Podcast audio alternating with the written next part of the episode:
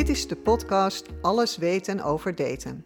Ik ben Denise Janmaat, datingcoach voor singles die vastbesloten zijn hun partner te vinden. In 1998 startte ik de eerste datingsite van Nederland. Je ontdekt in elke aflevering van deze podcast hoe je het daten het beste kunt aanpakken om sneller en makkelijker de liefde van je leven te ontmoeten waar je zo naar verlangt. Wat is voor jou het belangrijkst bij het vinden van je partner? Nou, als je lijkt op de meeste singles, dan begin je je zoektocht naar je partner waarschijnlijk met een plaatje in je hoofd van degene die je naast je wilt. Of je hebt een soort lijstje met wensen gemaakt of zo. Natuurlijk heb je het er ook wel eens met vrienden en vriendinnen over wie je graag zou willen ontmoeten. Hoe hij of zij eruit ziet, wat voor type het is, hoe hij of zij is in de omgang of wat voor werk diegene doet, enzovoorts. Het is best waardevol om daarover na te denken en het er met je vrienden en vriendinnen over te hebben.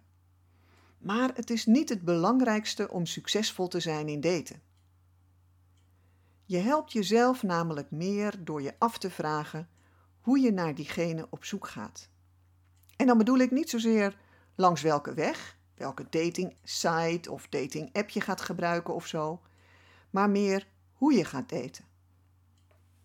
Degene onder jullie die al eens op mijn site hebben gekeken, mijn blogs gelezen hebben of deze podcast regelmatig luisteren, die weten inmiddels dat ik je graag voorleg of jij wilt krijgen wat je hebben wilt, of wilt krijgen wat je krijgen kunt.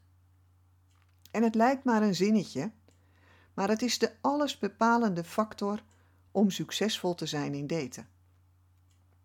Want als je wilt krijgen wat je hebben wilt, dan ga je voor de relatie waarin jij je heerlijk voelt, waarin je tot je recht komt, waarin je je gezien en gehoord voelt.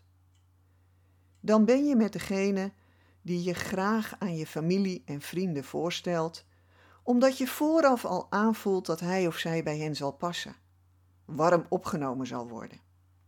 En dat je je over hem of haar niet druk hoeft te maken op een feestje. Die vindt zijn of haar weg wel.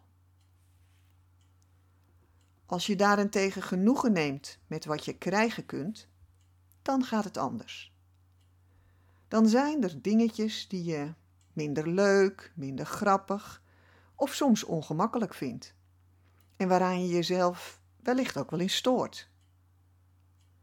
Dat wordt je je bewust als je vooraf tegen hem of haar zegt: Zeg maar niet zus of zo als je bij mijn vrienden bent. Zodra je jezelf dat te vaak hoort zeggen, heb je genoegen genomen met wat je krijgen kunt. En wat er gebeurt als je krijgt wat je hebben wilt, ja, daar had ik deze week weer een heel mooi voorbeeld van, toen ik Brenda aan de lijn had. Ze wilde een afsluitend gesprek met me hebben. Brenda is vorig jaar in het voorjaar aan mijn individuele één op één coachingsprogramma begonnen. En ze had een vast omlijnde planning in haar hoofd voor het traject. Ze wilde starten met het eerste deel van het programma, het fundament, en daarna een pauze nemen tot het najaar.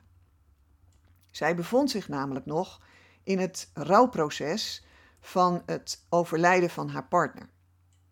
Die was een paar maanden daarvoor na een lang en intens ziekbed overleden.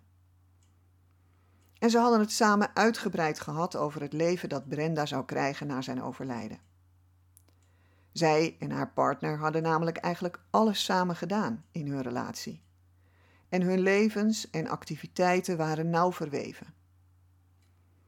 En na zijn wegvallen voelde haar leven voor Brenda dan ook heel incompleet. En daarnaast was ze, zoals ze het zelf beschreef, ook eigenlijk echt wel een relatiemens. Ze gedijt goed als ze in een relatie is en voelt zich echt ongelukkig als single. Het was dan ook haar wens om binnen redelijk afzienbare tijd een nieuwe partner te vinden. Terwijl ze natuurlijk ook wilde luisteren naar wat ze voelde nodig te hebben in haar rouwproces. Het is van groot belang ook daar ruimte aan te geven en tijd voor te nemen. We hebben die tijd benut om uitgebreid te kijken naar haar relatieverleden en haar relatie met de man die ze zo jong al moest missen. En wat haar vooral duidelijk werd, was dat ze uit de twee relaties de lering kon trekken van wat zij zelf nodig heeft in een relatie en wat haar goed doet. Zo had ze dat nog niet eerder echt bekeken. En dat ging dan om zowel het type man als de vorm van de relatie die ze zou willen hebben. Gaandeweg werd het er steeds duidelijker dat zij zich in beide relaties toch nog meer gevoegd had naar de ander dan eigenlijk goed voor haar is.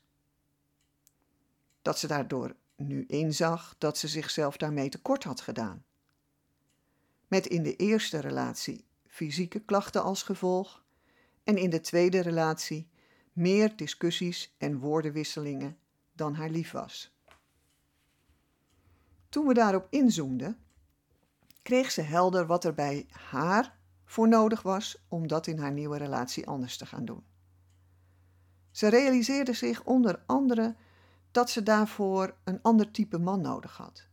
Niet zozeer uiterlijk, maar vooral voor wat betreft zijn visie op het leven, zijn normen en waarden en de manier waarop hij met zijn partner wil leven. En door dit alles wat ze in de voorbereiding had gedaan, ging Brenda anders de datefase in, met een heel ander profiel. De beschrijving van haarzelf was heel anders geworden. Ze was duidelijker over wat voor haar belangrijk is in het leven en waar ze veel waarde aan hecht. En daarmee eiste ze als het ware al meer ruimte op voor zichzelf, zodat ze beter aan bod zou komen in haar nieuwe relatie. En de man die ze in haar profiel beschreef was ook duidelijk anders dan de twee mannen waarmee ze een relatie had gehad. Het was haar duidelijk geworden dat ze vooral ook een man wil die gesprekken op niveau kan hebben, over allerlei onderwerpen. Die breed geïnteresseerd is, goed luistert en zich een mening vormt op basis van de gesprekken. Soms dus ook zijn mening kan bijstellen of aanscherpen. Daar kijkt ze naar uit, omdat ze zo kan genieten van zulke gesprekken en processen en om dat met elkaar te kunnen delen. Eigenlijk was de datefase, waar ze op een gegeven ogenblik in najaar in belandde, nog niet een echt serieuze poging van haar om een partner te vinden. Althans, ze had die insteek nog niet echt. Ze wilde eerst eens gaan ontdekken of het type partner waar ze nu naar uit ging kijken er wel zou zijn. En of ze die dan leuk en aantrekkelijk zou vinden. Ze had meerdere dates met verschillende mannen en kreeg langzamerhand meer gevoel bij wie ze zich goed voelde en bij wie minder tot ze uiteindelijk degene ontmoette met wie ze de klik direct voelde. Ze meldde enthousiast dat ze zich de eerste weken op een roze wolk voelde. En dat ze tegelijkertijd ook diepgaande gesprekken met elkaar hadden over hoe ze naar het leven, de liefde en een relatie kijken. Voor hen beiden werd het gevoel bevestigd dat ze voor elkaar degene zijn waar ze zo naar verlangden. En de blijdschap, de verliefdheid en dankbaarheid was intens voelbaar in het gesprek dat we hadden. We sloten het gesprek af en ze benadrukte nog eens dat het vooral het inzicht dat ze echt wilde gaan voor degene die ze hebben wilde, ervoor had gezorgd dat ze op eerdere momenten toch geen vervolg aan een date had gegeven die wel leuk en aardig was, maar omdat ze toch nog iets miste. Ze was ervan overtuigd dat ze dat voorheen anders zou hebben gedaan en ze was nu blij dat ze doorgegaan was om te krijgen wat ze hebben wilde.